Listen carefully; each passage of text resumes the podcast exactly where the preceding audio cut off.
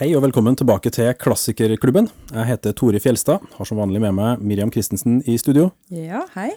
Og i dag har vi besøk av Janne Stigen Drangsholt. Velkommen. Takk. Og nå skal vi dykke inn i en av de mest fascinerende forfatterfamiliene i litteraturhistorien, etter min mening. For nå skal vi se nærmere på Jane Eyre av Charlotte Brontë. Eller Bronte, er det kanskje mer riktig? Det Jeg har jo lest litt av en, sånn, en biografi hvor de har sånn tre kapitler om det navnet. Oh. Eh, det jeg datt veldig fort av. Hva sa du? De het Bronte med Y først, og så endra greier. Det var ikke Ja, som- det var jo eh, opprinnelig så kom jo han eh, faren fra Irland, og så endra navnet fordi det var så vanskelig, og så var det noe med tøddel Altså, det er Ja. veldig kjedelig. Ja. Endra for det ble vanskelig. Det ble ikke noe enklere med tøddel igjen. Vi sier bare Bronte. Ja. Vi sier Bronty. Det. Ja, det greit. Da har vi etablert det. Eh, men det, det første jeg egentlig lurer på, Janne, hva er det som gjør at du ville at vi skulle snakke om denne boka?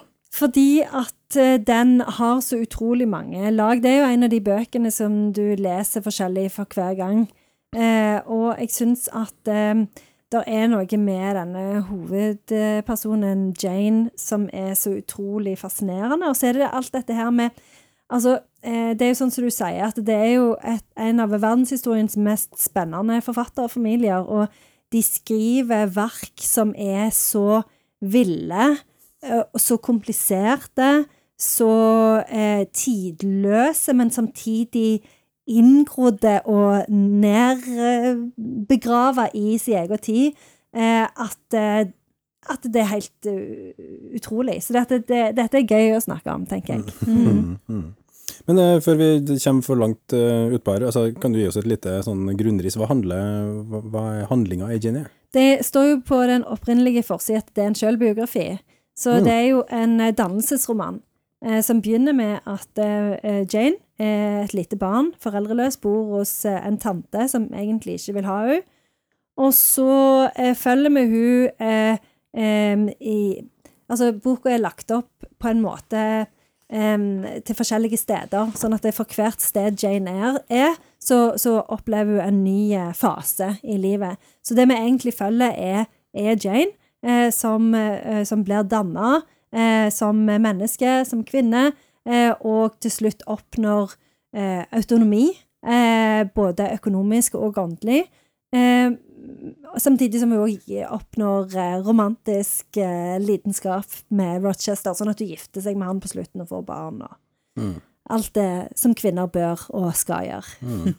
Har jo hørt deg snakke om denne uh, boka eh, på noe arrangement tidligere, Eh, og du er veldig kjapp med å poengtere at uh, det her er ikke en kjærlighetsfortelling. Altså, det er ikke en kjærlighetsroman. Det er jo noe som heter The Marriage Plot, som er eh, det plottet som eh, Hvis du har en kvinnelig hovedperson, så har du samtidig The Marriage Plot. Sånn at hvis du ser en kvinnelig hovedperson, så vet du at eh, hun kommer til å bli gift eh, i løpet av romanen.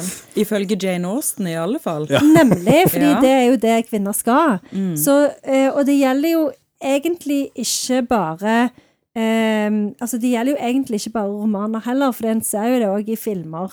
For eksempel så er det jo ofte sånn at OK, en har gjerne ikke the marriage plot, for de skal jo gjerne ikke alltid gifte seg, men, men, eh, men de vet jo De snakker jo veldig ofte menn Altså, kvinner er sjelden definert på eget grunnlag. De er nesten alltid definert eh, sa- til en mann. Altså I forholdet i forhold til en mann, ja, ja, ja. på et eller annet vis. Mm. Eh, så, og det er jo en, en feillesning eh, som eh, har blitt eh, Jane Eyre til del, og det er òg en feillesning som, som har blitt Bronte-familien til del, fordi at det, eh, en snakker jo òg ofte om eh, Stormfulle høyder eller Withering Heights som en kjærlighetsroman, og det forvirrer jo alle som leser den romanen, fordi det Når kommer den kjærligheten, Ja. liksom? Nemlig. Ja. Uff. Men det som er interessant med Jane Eyre, når man har lest den sånn som meg da, for en liten stund siden, og skal liksom prøve å friske litt opp igjen, hva er det når Jane Eyre handler om, så er det jo ofte først den historien med Rochester som dukker opp. Men så begynner du liksom å grave, og så kommer du jo på at men det handler jo om utrolig mange eh, Det er utrolig mange faser, da, som du sier, av denne her historien. Eksempel hele denne perioden hvor hun er ute på heden med, med disse helt andre folka som hun bare treffer litt tilfeldig. Og så er det også den der veldig opprivende scenen med tanta som er skikkelig slem med henne, men som hun klarer å si ifra til. Så det, det er noen litt sånne Uh, Ja, det er noen partier som absolutt ikke handler om romantisk kjærlighet i det hele tatt. Så jeg kjøper den der, at det er ikke en sånn uh, love story på den måten, men det er jo det man liker å se på film, og det er jo ofte der disse bøkene liksom kommer opp i vår kultur. At de blir filmatisert, og så kommer det nye utgaver og Så det er interessant å snakke om det som en ikke-kjærlighetsroman. Ja, det er nettopp det, og det er jo og En kan jo òg se på dette eh, samfunnskritikken da, som en finner i, i Jane Eyre, som jo først og fremst går på dette her med at kvinner ikke får ordentlig utdanning, og at de heller ikke kan få seg en ordentlig jobb hvis du tilhører middelklassen. For i arbeiderklassen så jobbet jo kvinner i fabrikkene på lik linje med menn. Men i i middelklassen så kunne du jo enten være guvernante, eller du kunne være bonde hvis du tilfeldigvis arva litt jord, eller du kunne være kunstner. Eh, Og alle Bronte-søstrene prøvde seg jo som guvernanter, og ble jo traumatisert av det. De hata det jo. Eh, så så det at både eh, Charlotte og Emily og òg Anne brukte jo dette som en slags sånn eh, nesten sånn eh, eh, traumebearbeiding, da, å skrive om, om det å være guvernante. og bo i et annet hushold, da. Men de var jo prestedøtre, så det var jo kanskje veldig naturlig da å ta en sånn guvernantestilling. Ja, eh, guvernante, hva innebærer det? For da er det, da er det liksom au pair, barnepass, men det er også undervisning, eller hva, hva er det Ja, som ligger i den? det er eh, Guvernanten er jo en, en veldig interessant skikkelse, fordi at det er jo noen som eh, skulle, sånn som du sier, ta vare på ungene og gi dem undervisning. Eh, eh, eh, men de, de var jo eh, eh, litt sånn uglesett, fordi at de tilhørte jo ikke tjenerskapet, for de kom jo fra middelklassen. Men de måtte reise og bo hos den andre familien, så de var på sett og vis en del av familiestrukturen. Men samtidig så tilhørte de jo ikke familien. Eh, og det var jo òg mye sjalusi knytta til guvernanten, fordi at det, ofte så var jo dette unge jenter som som gjerne mor i huset ble litt sånn sjalu på, at det ble litt sånn dårlig forhold mellom de. Eh, og så var det jo dette her med at de egentlig ikke oppfylte kravet til å være en middelklassekvinne, fordi at det, idealet sa jo at det, en middelklassekvinne skulle være ei kvinne som tok seg av andre og skrev brev og gikk på besøk og gjerne kjørte litt i hest og vogn. Broderte litt, kanskje? også Ja, broderte litt kanskje òg. Eh, så de skulle jo absolutt ikke jobbe. De skulle jo heller ikke passe ungene, for det sømmer seg jo ikke. Det var jo derfor guvernanten var der. Så guvernanten ble også sett på som en litt sånn unaturlig kvinne, da. Eh, Så det var egentlig en eh, Altså, guvernanten i seg sjøl er jo en kjempefascinerende skikkelse. Kommer og ødelegger familiestrukturen og forlede blikkene til eldste sønnen og mannen i huset, liksom. Ja, kan fort bli kjempedårlig stemning. og en ser jo òg at eh, Jane Eyre er jo guvernanten som gifter seg med mannen i huset til slutt, så det på en måte bekrefter jo alle de fordommene. Ja. Men det er, det er mange løsrev Altså, det er mange skikkelser i Jane Eyre som på en måte er litt sånn løsrevet fra en opprinnelig kontekst. Eh, eksempel dette barnet som Jane Eyre skal være guvernante for i Nå husker ikke jeg hva eh, liksom herregården heter. Eh, ja, den heter eh, Thornfield. Thornfield er det. Eh, og der er det jo en ung jente som bor, men hun er jo ikke dattera til Mr. Rochester som eier denne Thornfield. Så det, det, det er veldig mange sånne løse på en måte forbindelser her. Ja, Og det- og så er det jo liksom òg det der med at det er litt sånn gotisk, da, at det er litt sånn fordekka òg, for liksom er jo egentlig Kanskje hun egentlig er datteren hans, bare at han Ja. ikke har liksom vilt vedkjenne seg henne, og ja. Ikke sant? Og det er også når hun kommer ut Og hun er jo foreldreløs sjøl, Jane, ikke sant? Så hun på en måte aldri hører hjemme noe sted, og det er dette litt sånn hvordan finne sin plass i verden. Både som foreldreløs, men også som kvinne, da. Eh, og når hun er på denne heden, så er det jo også litt sånn ustrukturerte forhold, holdt jeg på å si. Det er vel også noen som er foreldreløse, som bor der, og så tar de seg på en måte litt av hverandre, og det, det er veldig mye mm, men det var kanskje sånn at veldig mange var foreldreløse også på denne tida. At, eh, at det var et tema, da. Ja, og jeg tenker òg det. Og så tenker jeg også at det, eh, For det handler jo mye om dette her med å liksom skape seg et hjem, da. Altså hvordan kan du finne deg et hjem? Um, og, og det er jo òg veldig spennende å se på dette her med hvordan hvert sted som hun er på, eh, gir hun eh, på en måte en vei som hun kan gå, da. Sånn som for eksempel eh, når hun, hun jo, ble jo også sendt på en sånn kostskole, hvor de nesten sulter. Eh, Mm. Elevene sine de får jo ikke mat. Og, eh, og der er det jo på en måte religionen religion da, som blir, sett, som blir presentert som, som en vei ut, da, fordi at hun tar to sånne forbilder. Det er en lærer, eh, Miss Temple, eh, som jo navnet symboliserer at hun er, liksom, rei, eh, hun er et tempel, da. Eh, rein eh, og, og god, da.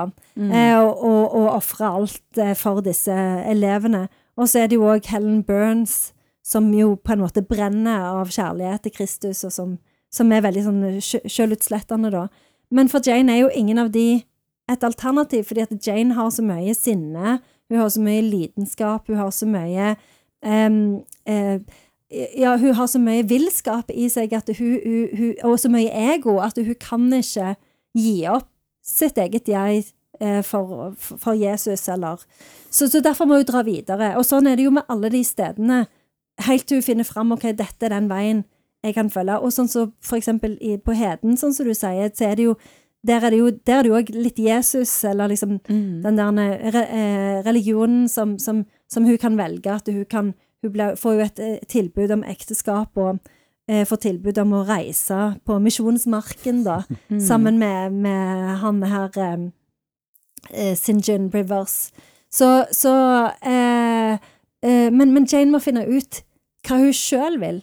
Ja. Altså hun, må, hun kan ikke etterape noen andre sin vei, hun må finne sin egen. Og jeg syns det er så utrolig inspirerende hvordan Charlotte Bronte liksom holder fast på dette hele tida. Mm. Mm. Ja, for det, alle disse andre har, de har allerede funnet sin vei, på en måte, mens hele romanen handler om hvordan skal Jane finne sin. Og det er kanskje en utfordring når du da kommer fra Altså, du har ikke foreldre, du har ikke penger, du har ikke Hun har jo ikke utdannelse før ganske langt av gårde. Um, og liksom er overlatt til seg sjøl i verden. Mm. Ha. Og det òg er jo et ganske sånn gotisk trekk, for, det, Mm. for der òg er det en sånn navnesymbolisme med Jane Eyre, liksom, altså luft. Ja. Og så òg Air som i arving, for hun er ikke arving til noe. Mm. Eh, og, og, og Jane, hun Det er jo et ja, det er jo sånn typisk gotisk trekk at du har en sånn en, eh, for et foreldreløst barn. Fordi at da har du ikke noe arv å bære på, og du har ikke rett på noe. Så du må liksom 100 skape deg sjøl, da.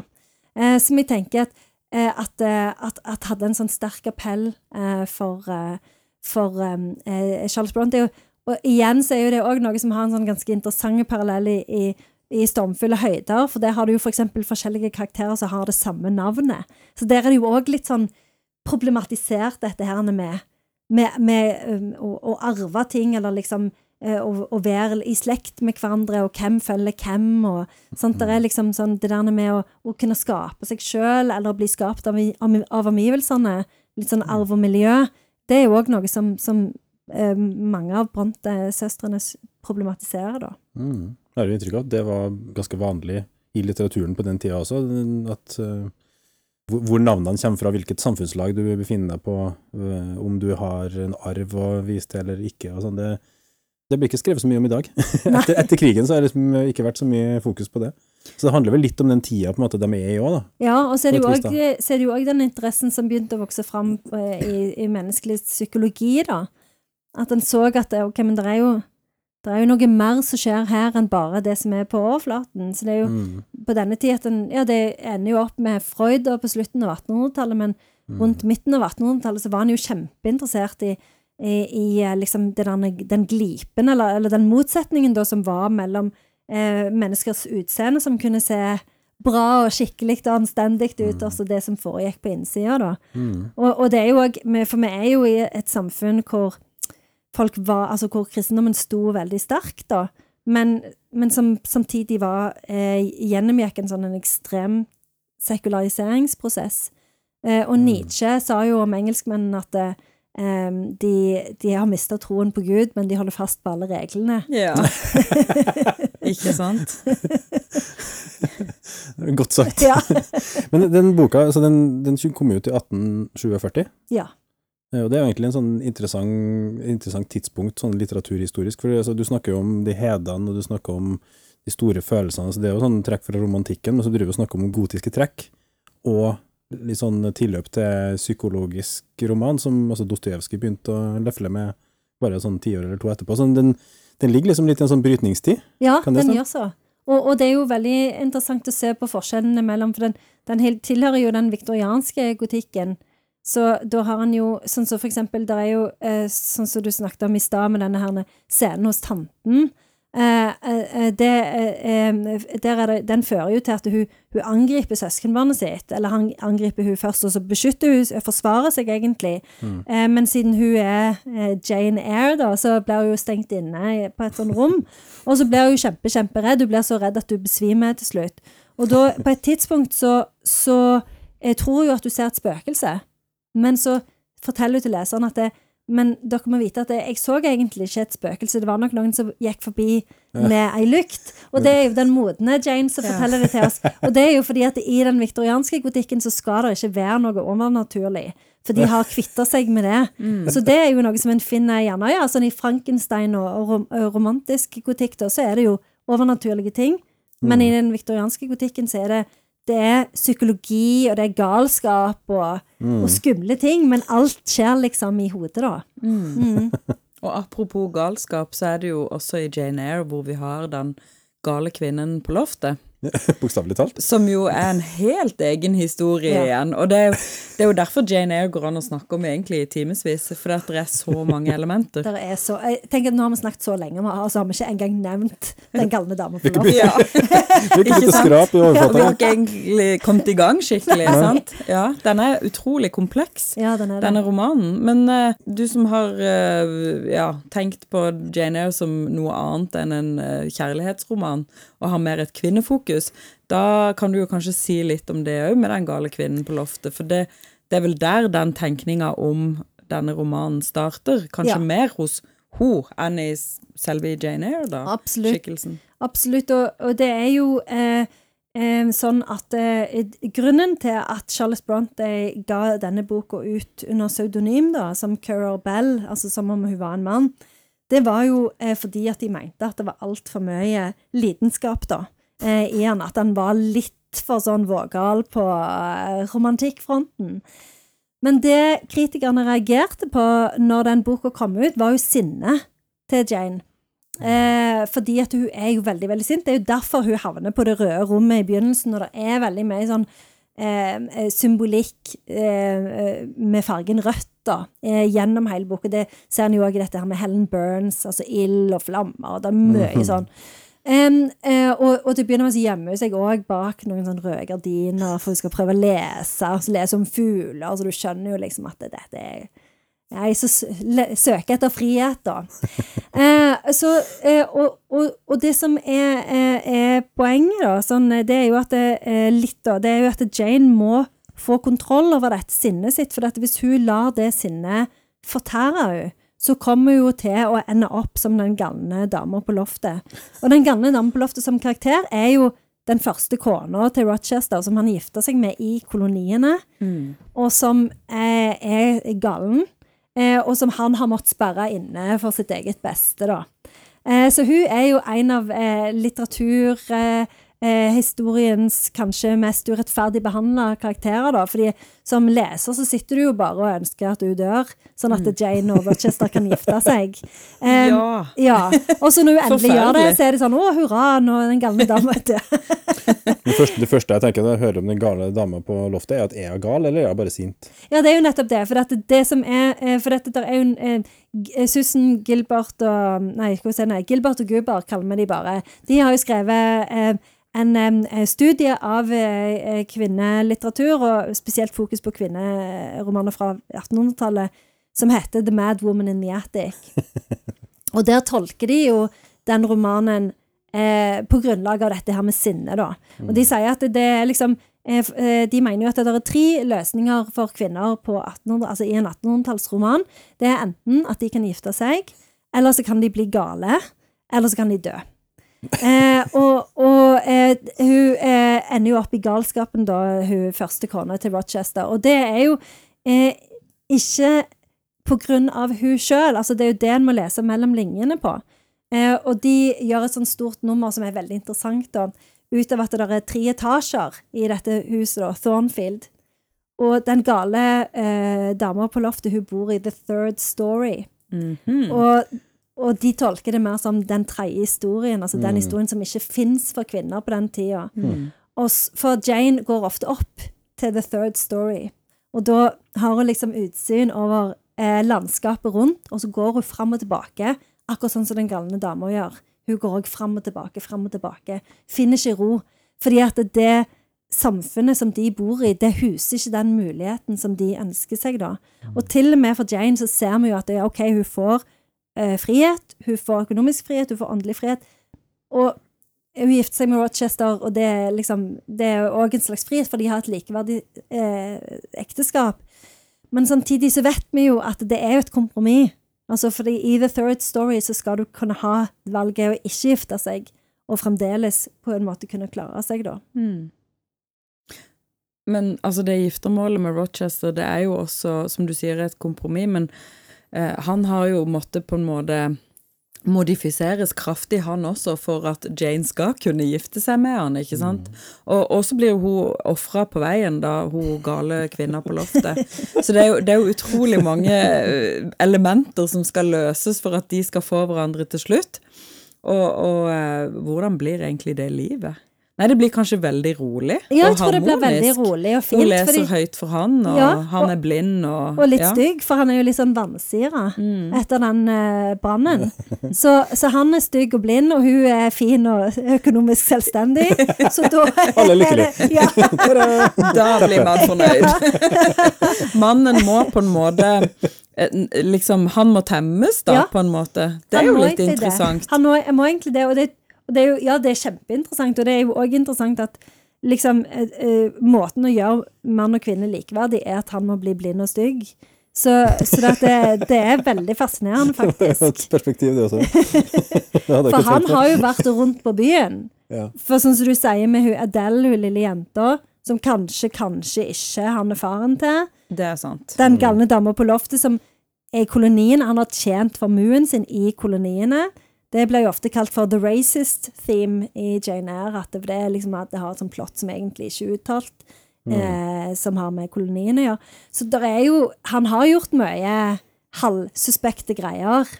Men det er jo, eh, det er jo litt på sida, da. Men eh, Jean Reece skrev jo White Sargasso Sea eh, så i, på 30-tallet som en respons da på Jane Eyre, fordi at hun syntes at det, den galne dama på loftet hadde blitt så urettferdig behandla. Hun har jo knapt et navn i romanen. Hun heter Bertha Mason, da. Eller Antoinette, egentlig. Så hun skrev jo en egen roman fra hennes perspektiv, og den er veldig, veldig gøy å lese etter at du har lest Jane Eyre, for da blir du ganske flau over at du har heia på at hun skal Da får du liksom forsvinne. bakgrunnen hennes. Ja, ja, ja. Men eh, så er det jo også noen likheter mellom forfatteren sjøl og Jane Eyre. Mm. Det har vi ikke sagt så mye om. Nei, det at, eh, må vi jo virkelig dykke ned litt i, Ja, for den det familien. mm, tak i. biografiske elementer. Mm. Ja, for et av elementene er jo dette her med å være guvernante, da. Eh, så, eh, men ellers er det jo eh, Altså, det var jo en veldig sånn spesiell oppvekst. Det, det er jo ganske gøy å reise til Haworth og se huset deres. Eh, og se liksom hvordan det huset er liksom helt clean inn til kirkegården. Mm. Sånn at det er på en måte det de hadde utsyn til. Og der er det jo òg et sånn lite museum med alle disse små bøkene som de skrev til hverandre. For det var jo et kreativt eh, fellesskap av en annen verden. Eh, hvor han broren eh, vel var litt sånn både Både stress og, og, og en ressurs på samme tid. Mm. For de vokste altså opp i et prestegård, med, altså faren var prest. Ja. Mora dør når uh, Charlotte blir født, eller er det Nei. Det, ja det var vel eh, litt etterpå, tror jeg. Mora dør Ja. rett etter fødselen til det Ja. siste barnet. De får Ja. seks barn, Ja. og alle seks barna dør. Og kona dør, og Patrick, uh, presten, blir igjen noen år uh, alene i det her huset ved kirkegården. Og, altså, det, er jo, det er jo tragedie på tragedie på tragedie ja, det i hele livet. Eh, og, og det var jo, ja, det var jo covid hele tida. Covid, Covid 24-7. Ja. Ja, fordi du, hvordan er det, de to eldste døtrene dør tidlig, altså før de blir De var ti og elleve år, disse eldste døtrene, og da var Charlotte, Emily, Anne og Branwell, er det det han heter, Mm. broren? Da var de fire igjen med faren. mora var også død da. Ja. Ja. Så de, de er jo en Jeg tenker det er jo Og på kirkegården så ligger gravstøttene til storesøster og, Så har du og ut- storesøster. Så har du utsikt til kirkegården hele tida. Det er jo bare død. Ja, det, Det er jo det. helt vilt. Og, og, det, og det er jo eh, helt utvilsomt at det påvirker alle disse bøkene, og, og særlig Og det er derfor det er så interessant med kvinnelige forfattere på den tida, for den hadde jo, allerede begynt en sånn en prosess hvor menn skulle kjenne mindre og mindre på følelsene sine. Eh, så du ser liksom en sånn en eh, Mens kvinner bare skulle være følelser. Eh, så du ser jo liksom Ja, både sånn i Frankenstein, da, som jo òg er veldig prega av at Mary Shelley har gjennomgått barnefødsel og barnedød og død mor og død søster og alle døde. Så, så, eh, og det samme er jo i eh, Jane Eyre, at det er jo altså det er liksom det der Livet er så Det er ikke bare det at livet er skjørt og, og, og sårbart, men det er liksom så Det er en sånn Igjen denne villskapen, da. Mm. For du, det er nesten som de blir litt gale av, av all denne døden. At det er liksom Tapet oppleves så enormt at det presser på liksom fra alle kanter. Mm. Mm. Og på det tidspunktet når Jane Eyre kommer ut, i 1847, så er- stemmer det Er ikke da Charlotte Bronté den siste gjenlevende? Hadde ikke alle andre dødd da?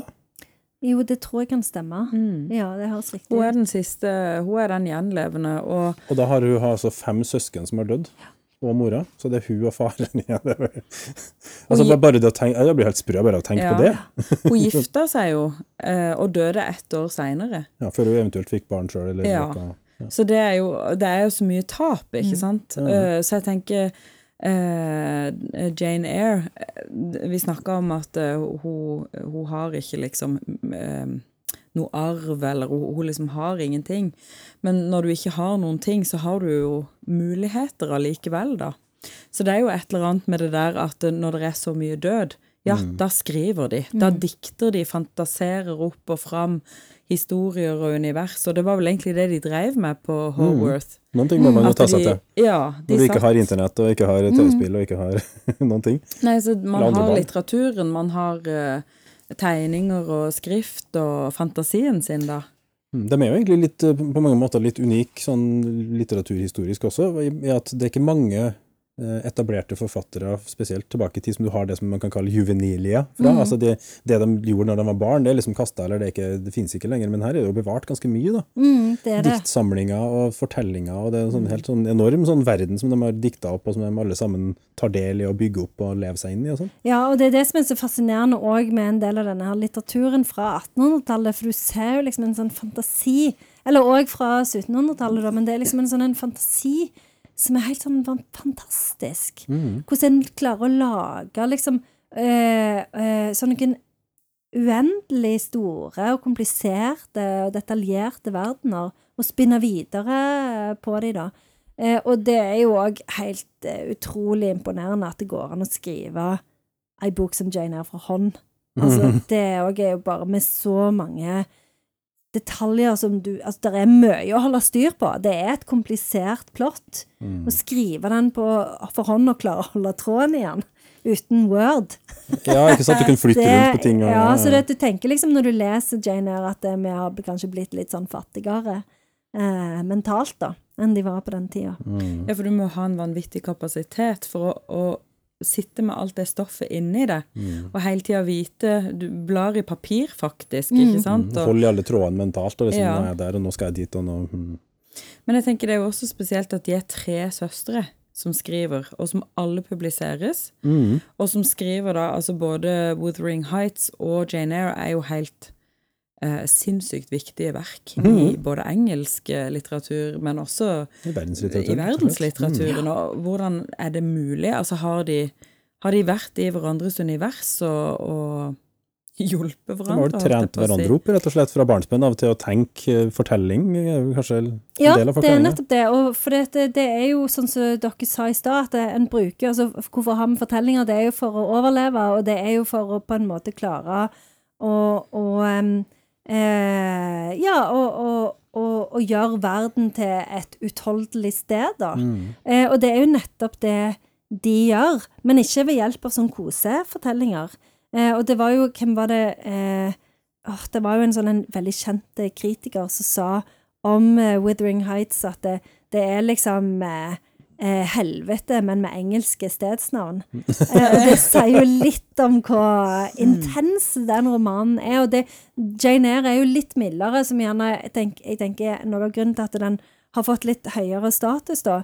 Um, men eh, men den, der er liksom eh, så utrolig mye spennende fra et sånn et psykologisk menneskelig perspektiv, fra ja, sånn samfunnsperspektiv, mm. uh, uh, at, at den er Den kjennes jo faktisk like relevant i dag, da. Mm.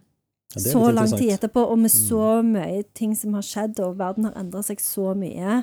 Så det er ganske utrolig. Han kjennes relevant på en annen måte enn eksempel hvis du leser Dickens, da, eller noen av de mer sånn For litteraturen ble jo mer realistisk jo lenger utover på 1800-tallet en kom. Eh, og dette er jo sånn som vi sa i stad, liksom 1847, det er liksom begynnelsen, sant? Mm. eh, av eh, Så, så at det, den kommer på et sånn utrolig viktig tidspunkt, da. Og så siden de bor så langt ute i villmark og liksom ingenmannsland eh, der oppe i Yorkshire, så, så har de jo ikke tilgang til den typen kultur som en gjerne kunne finne i London og sånn på den tida, da. Som sikkert òg er viktig. Viktig å isolere seg, bygge seg hytte et sted og bare Ja, men det, er det, er, men det er, ikke, Forsvinne. Ja. er det ikke det forfattere og kunstnere gjør nå også? ikke sant? Jeg tar en uke på hytta langt ute i skogen for å skape noen ting, for å få vekk distraksjoner. for å liksom... Hvis du har det sånn hele tida, så må det jo skje noe i huet, tenker jeg. Men det er kanskje sånn at i den realistiske romanen så blir man mer bundet av tida romanen ble skrevet i, da. Og, og det som nettopp er så vanvittig med disse Bronte-søstrene Eller jeg har jo bare lest Jane Eyre og Wuthering Heights, som jeg kan liksom virkelig huske, da. Men de er så oppløst på en måte fra tid og sted, og sånn at jeg må liksom sjekke når var det egentlig de levde? Hvordan var egentlig samfunnet rundt de da? Og ja, ja, det var jo litt sånn industriell revolusjon, og det skjedde ting i, i verden, og, og de var liksom på gang.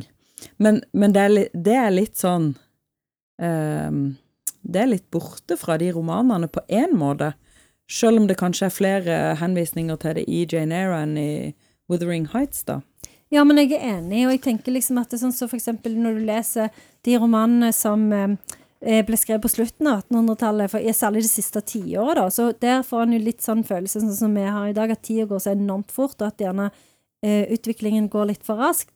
Men sånn som med Jane Eyre og Wuthering Heights, så føler du kanskje òg heller mer at tida står veldig stille, da.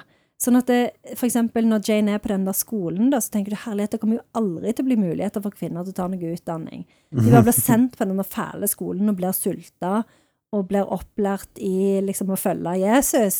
Eh, em, så her kommer det ikke til Og det samme med Withering Heights, hvor de liksom er på heden, og der er jo ingen Alle heter det samme, og det, det føles liksom som det går i en sånn en sirkel, en sånn uutholdelig sirkel da, hele tida. Eh, Ja, litt sånn som Dante eh, med sirkelen i helvete, da. Så, så, dette, så dette, jeg er helt enig i at det er Altså, du får liksom ikke den der følelsen av verken realisme eller utvikling eller noen ting som du får seinere, da, i de romanene som har kanskje som mål da, å kritisere arbeidernes vilkår, eller mer sånne presserende sosiale spørsmål som, som meldte seg eh, jo lenger han kom ut på 1800-tallet, da. Mm. Og dermed så knytter de seg på en måte sterkere til mer allmenn menneskelige og tidløse eh, spørsmål også, kanskje, ikke sant? At man liksom Altså kjærlighet og naturen og døden og eh, Ja. Helt enig, og, og viktigheten av å bli kjent med seg sjøl, da.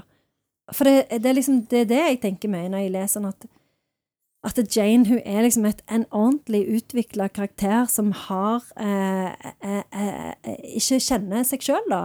Eh, og som må på en måte bli kjent. Og det har, er jo i hvert fall noe en kan kjenne seg igjen i. Eksempel det der med å ta kontroll over sitt eget sinne, og ikke la liksom følelsene eh, eh, ta kontroll over deg, men at du klarer å liksom fungere i en slags sånn symbiose med følelsene. Ikke undertrykke de heller, men liksom klare å bli kjent med deg sjøl, da. Som jeg syns er helt utrolig fascinerende. Det må jo være veldig selvbiografisk, tenker jeg. Og du sa også at det, på den første utgaven så sto det en selvbiografi. Mm. Ha! Mm, veldig Det var interessant. litt, ja, det var veldig interessant. Og det er jo òg en sånn en, eh, et sånn et, et, eh, pek da mot eh, etablissementet, fordi at en skulle jo ikke skrive selvbiografier om kvinner. Eh, og det er jo eh, noe som ja, eksempel Virginia Woolf tar opp med Orlando eh, mange, mange år seinere, hvor hun skriver selvbiografi om ei kvinne som blir mann, som blir kvinne. Eh, men det er jo, eh, det er jo en protest mot selvbiografien som sjanger, da. Mm. Eller Mm. biografien, da. Mm. Mm. Det her er utrolig spennende. Ja, det er veldig gøy. Men ehm, hvordan holder Jane Eyre seg aktuell? Eh, jeg googla bare litt rett før vi gikk eh, i studio her, og da så jeg at Nationaltheatret skal sette opp Jane Eyre eh, våren 2022, med en ung regissør som, som omtalte Jane Eyre som boka har noe juicy ved seg. Litt kioskroman, litt nåtids ungdomslitteratur à la Twilight og Hunger Games, litt gotisk grøsser, litt storslått dannelsesroman, litt erkebritisk romantikk, med en hovedperson som har en idé om at hun er annerledes. Hun heter Elin Arbo, hun som sa det. Så tenkte jeg det er Du får veldig mye i en og samme pakke, da. Altså, er Jane Eyre evig aktuell? Og hvem leser Jane Eyre i dag? Ja, jeg tenker at det gjerne ikke er så veldig mange som leser Jane Eyre i dag, fordi at den er veldig tjukk. Mm. Eh, så eh, så den, den varer Den tar lang tid å lese. Eh, og så er han Han er ikke treig, eh, og han er ganske lettlest.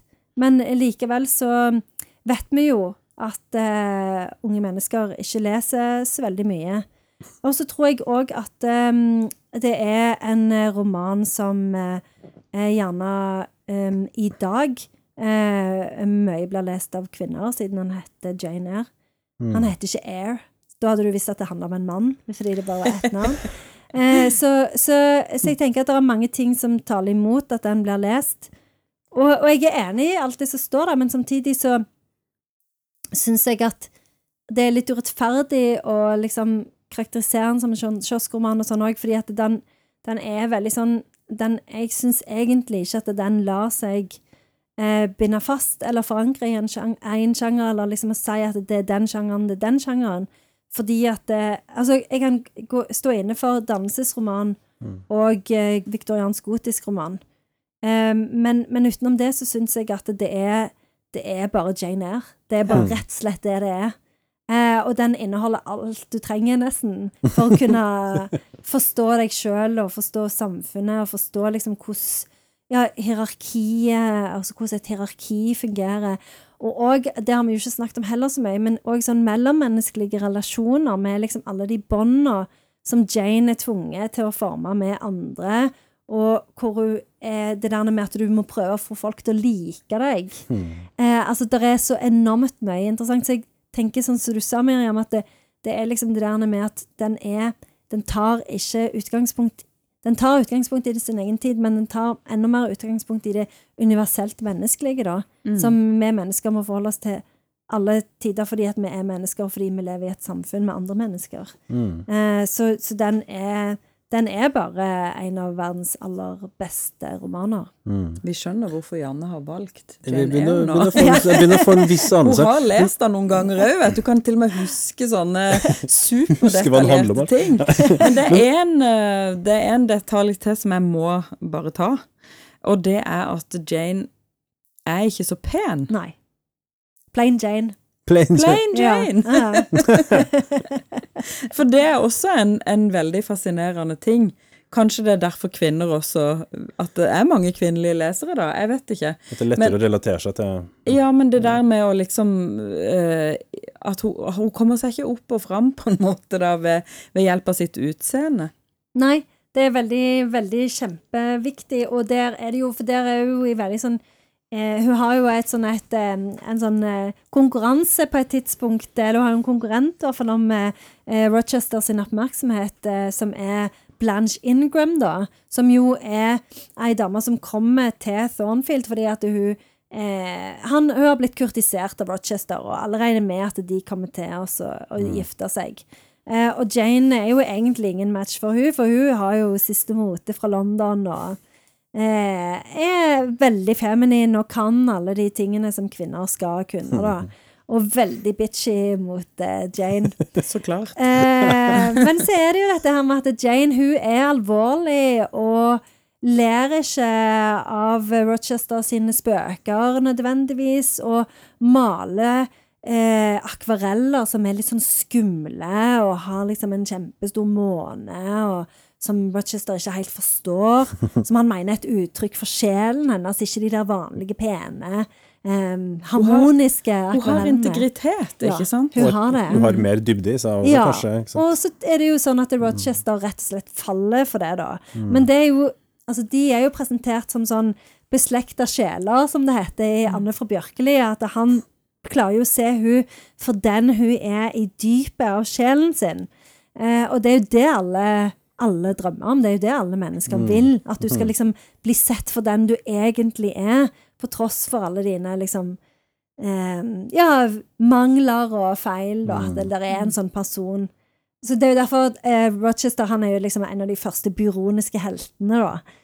Så, Hva legger, hva legger du i det? den byroniske helten er jo en sånn en eh, skikkelse som, som ble veldig populær fra og med 1800-tallet, som jo òg eh, inkluderer Heathcliff fra eh, Wuthering Heights. Så det er jo en sånn en eh, eh, karakter som skal være litt sånn overklasse helst, og så skal han være litt sånn løs kanon på dekk. Eh, og så skal han være sånn at han forakter menneskene, men det er én liksom som fanger hans interesse. Ja. Eh, og det er Jane eller Catherine, eller i Twilight så er det jo Bella. Ja, Da. ja, ikke sant. Som er bra nok. Ja, og, og, og, og så er det sånn at han, han vil ikke snakke. Han klarer seg veldig dårlig i sosiale sammenhenger, men han er veldig smart og veldig kunnskapsrik og kan veldig mye. Og når han snakker med denne her da, dama, da, som er spesiell, så, så kommer på en måte all skjønnheten i han fram, da. Eh, også, og det er jo òg Mr. Darcy, selvfølgelig, i eh, Pride and Prejudice. Men så er det jo dette her med Den byroniske helten er jo egentlig en forbannelse, fordi at det, i alle disse romanene så blir det presentert som om han er en litt sånn sur mann som egentlig blir blid når han bare finner sitt hjertets utkårede. Men så er det jo sånn i virkeligheten at han er jo like sur og stress å forholde seg til uansett om han er lykkelig gift eller ikke. Nei, så Så det er egentlig en forbannelse. Eh, Det er the marriage plot som bare Ja. tar sin hevn. Realismen kommer krypende inn, det er det som er problemet. Men altså, det er jo åpenbart at det er en sånn eh, for, eh, den Jane Eyre er en fortelling som fenger på tvers av mange tider. Jeg har jo lest eh, at den er filmatisert rundt 20 ganger. Og altså, blant annet ser jeg at uh, et av mine idoler, Orson Wells, uh, lagde en film i 43. Og altså, Franco Sefirelli på 90-tallet. Altså, den er filmatisert av mange forskjellige folk i mange forskjellige land til mange forskjellige tider. Så det må jo være et eller annet et, som, et eller annet universelt da, som interesserer oss med denne fortellinga. Det, er kanskje nettopp det vi snakker om, at det er det mangfoldet og det er alle de ulike innfallsvinklene du kan ha, og alt du kan få ut av, eh, av den eh, i utgangspunktet ganske tjukke boka. Ja, absolutt. Eh, Og så er det jo sånn at en eh, gjerne har en tendens til å fokusere aller mest på denne Thornfield-perioden, da. For det er jo Mm. det som er den mest juicy, hvis vi skal bruke det. Ikke sant? Det er jo der romantikken skjer, og det er jo Mm. det man ofte er opptatt av i disse filmatiseringene, da. Og Det er jo der hun virkelig må konfrontere disse her indre demonene sine. Og så er det jo dette her med at den galne dama på loftet er jo en gotisk skikkelse, så det er jo veldig mye sånn bruk av masker, for eksempel. Sånn så, for Jane tror jo at det, For hun er sånn Hvem er det som ler? For hun har jo sånn galen latter fra loftet. Og så er jo Jane sånn Hvem er det som ler hele tida? Eh, og da er jo alle sånn Ja, det er jo hun eh, Grace Poole. Og så treffer jo Grace Poole. Og Grace Poole er jo ei sånn ei streng dame med rødt hår, selvfølgelig. Hun, Rødt, så hun er jo en maske for Bertha. Det er jo hun som er ansatt av Rochester til å holde fast, nei, passe på eh, Bertha, sånn at hun ikke skal slippe seg ut. Men så er jo eh, Grace Poole litt glad i flaska, så av og til drikker hun litt for mye eh, gin, og så klarer Bertha å komme seg ut, og blant annet rive det, det brudesløret til Jane i to, og ja, sette fyr på huset. Ja. Eh, så, så dette er, så dette, eh, der er jo eh, det er, Sånne ting egner seg jo helt sykt bra på film. Mm. Eh, og det er jo òg veldig interessant, for det er jo òg et sånn gotisk grep, det der med å bruke masker. Sånn at når du ser liksom hun ser Grace Poole og tenker jeg, sånn, det kan være hun som har den galne latteren. Jeg får ikke det til å stemme. Eh, og og, og eh, eh, Rochester kler seg ut i drag på et tidspunkt. Kler seg ut som ei sånn ei eh, sansigerske. Sånn, eh, eh, s- s- og, og liksom leser framtida til Jane som en veldig sånn interessant scene, da. Eh, og igjen så er det jo dette her med Grace Poole er jo veldig interessant i forhold til dette med hierarki, for det er liksom kvinner som Altså, i alle år så har jo kvinner vært kvinners voktere. Så der er, der er liksom du, du, kan ta, du kan ta fast i en karakter, og så kan du spinne videre Ja, i lange tider. Den gale kvinna på loftet. Hvor mange kvinner er det ikke som har blitt innstengt på sanatorium og blitt lobotomert og blitt, eh, altså, fordi de hadde for sterke meninger, eller var for sur, eller var for, for mye av et eller annet? Det er nettopp det. Eh, og, og etter hvert så er det jo eh, dette her med Ja, etter hvert som en utvikler mer sånne psykologiske teorier og sånne ting, så er det jo dette det med the resting cure. Um, som, som blir veldig populært fordi at kvinner som er hysteriske, de, ja, de blir jo rett og slett stengt inne på loftet for sitt eget beste. Uh, og da får vi jo sånn, sånne fortellinger som eh, eh, The Yellow Wallpaper av Charlotte Perkins Gilman, som jo var, ble utsatt for en sånn en resting cure eh, sjøl, da. Selv, da og, og i den, kur, altså. ja, og i den eh, Ja, det er jo det. Og i den eh, novellen da, så blir jo hovedpersonen òg galen, fordi at det, hun, hun, hun blir jo aleine med sine egne tanker dag ut og dag inn, og får ikke slippe ut av dette loftsrommet, da. Og så sier legen at ja, der ser du, hun var jo gal. altså, det er var på sanatorium. Ja. Mm. Selvoppfyllende profeti, ikke sant. Men du kan egentlig holde på med Jane Eyre et heil, gjennom et helt liv. Ja, du kan. Lese romanen om igjen og om igjen, og jeg oppdaga jo ikke denne boka før jeg var litt sånn oppe i 20-årene og, og begynte å studere litteratur.